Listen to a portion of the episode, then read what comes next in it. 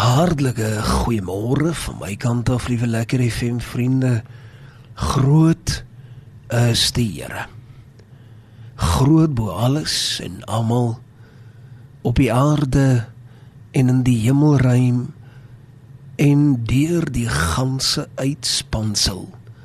Groot is die Here bo enige mensgemaakte struktuur. Groot is die Here bo enige mens se brein of sy kapasiteit om te kan dink wie en wat hy is.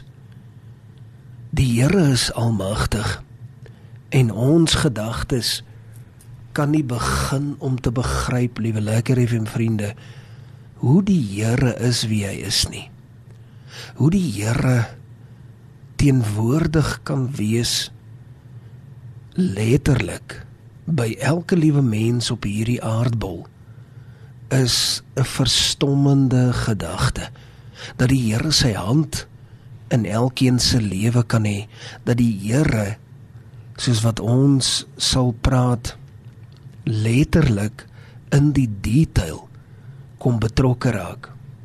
Ons sal baie maal die Engelsman noem dit micromanage.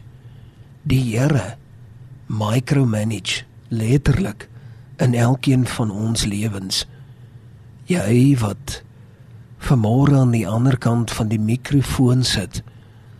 Jy wat vanmôre miskien dalk al reeds daar by die werk is, miskien op pad werk toe of miskien dalk in jou huis, in jou gunsteling stoel of bank waar jy ook al bymekaar kom vir die oggendoordenking. Die Here is daar by jou. Daarom is dit vir ons 'n groot saak dat die Here so groot is en dat hy in soveel fynheid kan werk en dat hy jou ook reg fyn geskaap het en dat hy weet as daar 'n enkele haar vanuit jou liggaam op die grond neerval hy weet dit. En daarom liewe lekker vriend kan ek en jy saamstem dat ons aanbid 'n almagtige God En vanmôre is hy waardig om geprys te word en daarom doen ons dit. Ons prys hom. Ons eer hom vir wie hy is. En die feit dat hy ons by die hand neem en hy ons lei en hy aan ons behoeftes voorsien, prys ons hom meer. Ons loof hom, ons prys hom, ons eer hom en ons aanbid hom. En net daar vanmôre waar jy is, gee die Here al die eer vir jou lewe en al die mooi voorregte moet dit nooit van selfsprekend aanvaar nie. Sê dankie. Steek jou hand in die lug op en sê dankie Here. Ek loof U en ek prys U want U is almagtig. Kom ons doen dit so vandag. Gisteroggend spesifiek het ons gepraat rondom hoe die Here aan ons seën gelukigheid en vergenoegdheid gee. En die woord van die Here praat oor salig daarin Matteus 5 waar ons tans 'n bietjie stil staan en bietjie oor praat. Noem hy die woord salig en hy gebruik hierdie woord reg deur die Bybel soos 'n goue haar kort kort sal jy lees van salig is jy as dit en die een wat so is sal salig wees en so gaan jy aan en dis belangrik om konsepte te verstaan. En in hierdie geval die woordjie salig verwys na om gelukkig te wees, geseënd te wees, vol vreugde. Maar seker die belangrikste is vergenoegdheid. En ek en jy kan vergenoegdheid verstaan as ek vir jou verduidelik dat vergenoegdheid beteken om versadig te wees wanneer jy 'n heerlike groot bord lekker warm kos opgeëet het en jy klaar geëet het, sê jy, "Jog, ek is nou versadig." Nou dit is wat vergenoegdheid beteken, maar vir jou gees. En dit is wat baie baie belangrik is. Spesifiek gister het ons gepraat juis rondom die gedagte dat vergenoegd is jy, tevrede, gelukkig en vol vreugde is jy as jy sien dat die Here vir jou sorg en jy van dit afhanklik is. Ek wil vandag vir jou sê lekker FM vriend, ek is afhanklik van die Here. Ek kan niks sonder die Here doen nie. Alles wat ek ontvang is uit die hand van die Here en die Here maak alles moontlik. Die Here bring die golwe en ek is daar op die golf besig om hom uit te vat na die strand toe. En ek is dankbaar daarvoor want ek is afhanklik van die Here se sorg en dit is sy goedheid soos wat ons gelees het in vers 3. Maar ek wil vanmôre wil ek baie graag hier uit Matteus 5 vers 4 en 5 aan jou voorhou. En ek wil graag hê jy moet saam met my lees. En direk daarna sal ons dan ons oë sluit en vra dat die Here sy woord seën. Matteus 5 vers 4 en 5. Hy gaan verder hier en hy sê salig is die wat treur want hulle sal vertroos word. En dan vers 5 ook salig is die sagmoediges want hulle sal die aarde beerwe. Tot sover die woord van die Here. Kom ons sit net so dan sluit ons die oë dan bid ons saam. Hemelse Vader, wonderbaarlik is u woord. En u woord is ook skerper as 'n tweesnydende swaard en u woord kom maak die skeiding tussen reg en verkeerd. En daarom is ons dan nou ook vandag baie gelukkig met die feit dat u na ons omsien. Kom deur die woord en kom praat met ons in Jesus naam. Amen. En amen. Liewe lekker FM vriende. Dit is ons elkeen se begeerte in die lewe om net vergenoeg te wees daardie gevoel van as jy daai lekker bord kos klaar geëet het en nou is jy versadig. Vooraf is dit moeilik want jy's die hele tyd honger. Jy wil die hele tyd weet wat gaan ons nou een van 'n stadium eet? Wat gaan ons maak vir middagete? Wat gaan ons maak vir aandete? Wat is volgende op die spyskaart? Want jy's honger, jy's rusteloos.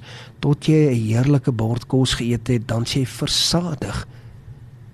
Nou vergenoegd in jou gees sal jy wees sê die woord van die Here hier eintlik in vers 4 As almal wat hartseer is oor al die pyn en swaar kry in hierdie wêreld gelukkig is almal wat dit ter harte neem En ons moet dit mooi verstaan want ons verstaan nie altyd baie mooi wat die woord na heen verwys nie hier in vers 4 waar hy sê salig is die wat treur want hulle sal vertroos word.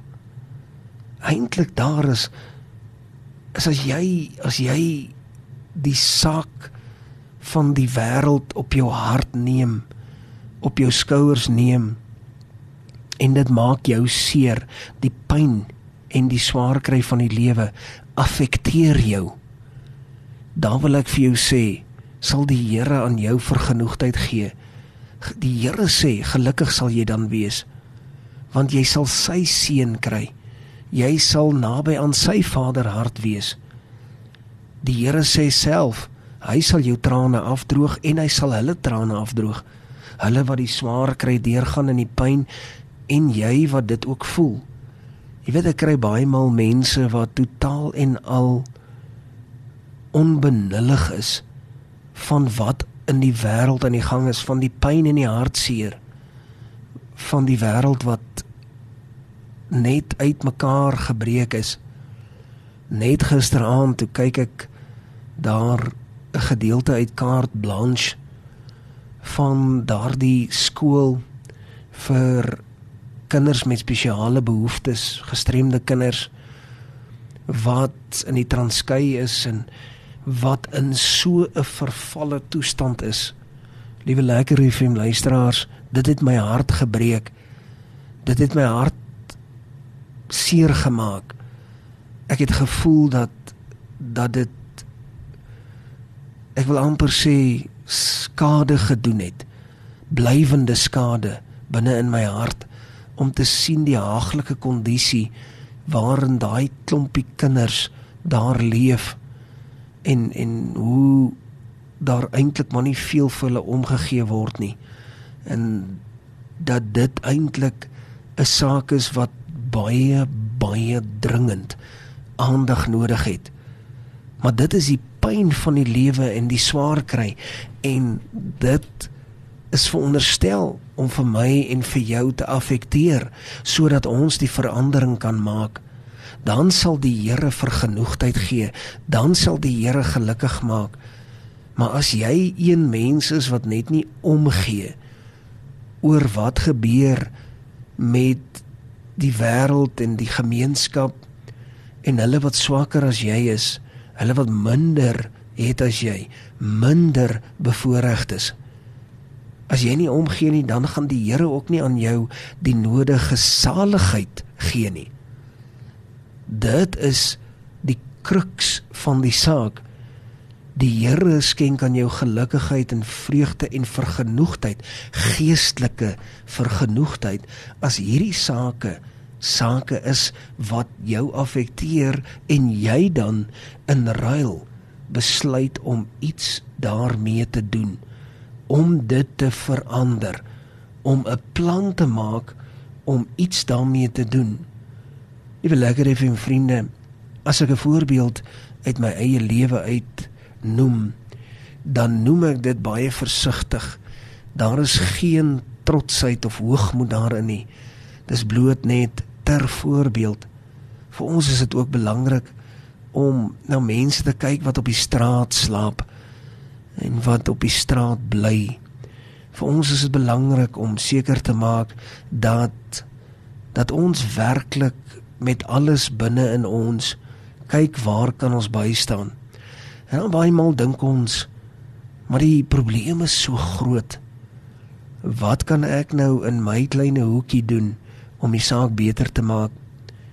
En dit wils gebruik ek 'n voorbeeld van die dae toe toe ek nog fiets gery het en wedrenne gedoen het. Ek het my ek en my vroutjie het uh, daai jare die ou FM pad fietswedren het ons gedoen en ek onthou nog so op 'n stadium want jy ry ontsettend ver en so op 'n stadium dan dan is dit asof dit vir jou so 'n probleem raak dat jy naderhand regtig nie meer weet wat wat om te doen jy is so moeg moedeloos moeg dan is die belangrikste om net na jou voorwiel te kyk en net te ry en te trap en te trap, nie op die bil te kyk ver nie.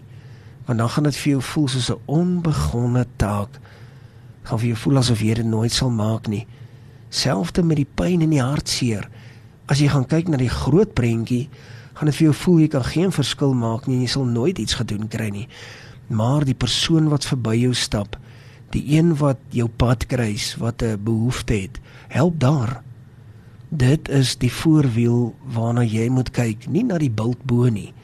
Net die een voor jou. Help daar. Dit wat jy kan doen wat voor jou is om te doen, doen dit en die Here sal vir jou vergenoegdheid gee. Die Here sê hy sal self die trane afdroog aan jou kant en aan hulle kant en dit sal in ruil vir jou gelukigheid bring en dit sal jou saligheid bring en dit sal vir jou vergenoegdheid bring.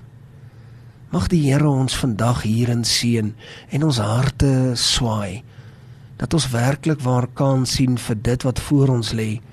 Baie maal dink ons ag as almal as, as ek nou vir almal moet gee dan gaan ek niks hê nie. En die die groot gedagte daar in die geheim eintlik is is dat almal kom nie na jou toe nie dan kom 'n paar na jou toe en dit is hulle wie jy moet help. Tot sover die woord van die Here. Kom ons sit net so, dan sluit ons die oë, dan bid ons saam. Hemelse Vader, dankie vir u woord. Dankie dat u woord ons kom seën tot 'n groot mate. Dankie dat u ook groot is en dat u heilig is. Here, dankie Dankie vir u liefde en dankie vir u genade. U is waardig. Here, dankie dat u ook die harte van elkeen wat luister kom verander, want u is almagtig en seën ons daarin in Jesus naam. Amen. En amen.